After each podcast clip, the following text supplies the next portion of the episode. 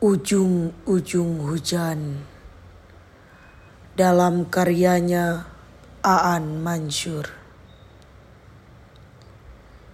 Dulu dalam dingin kita berpelukan sambil membayangkan ujung-ujung hujan sebagai kembang api yang merayakan cinta yang tak akan pernah dijarakkan.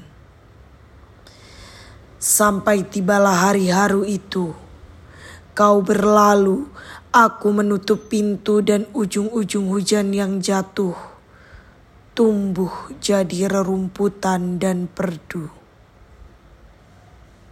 Hari ini, tiba-tiba aku ingat kau di dada jalan yang membawamu jauh, setiap ujung hujan yang menyentuh adalah mekaran bunga-bunga beribu.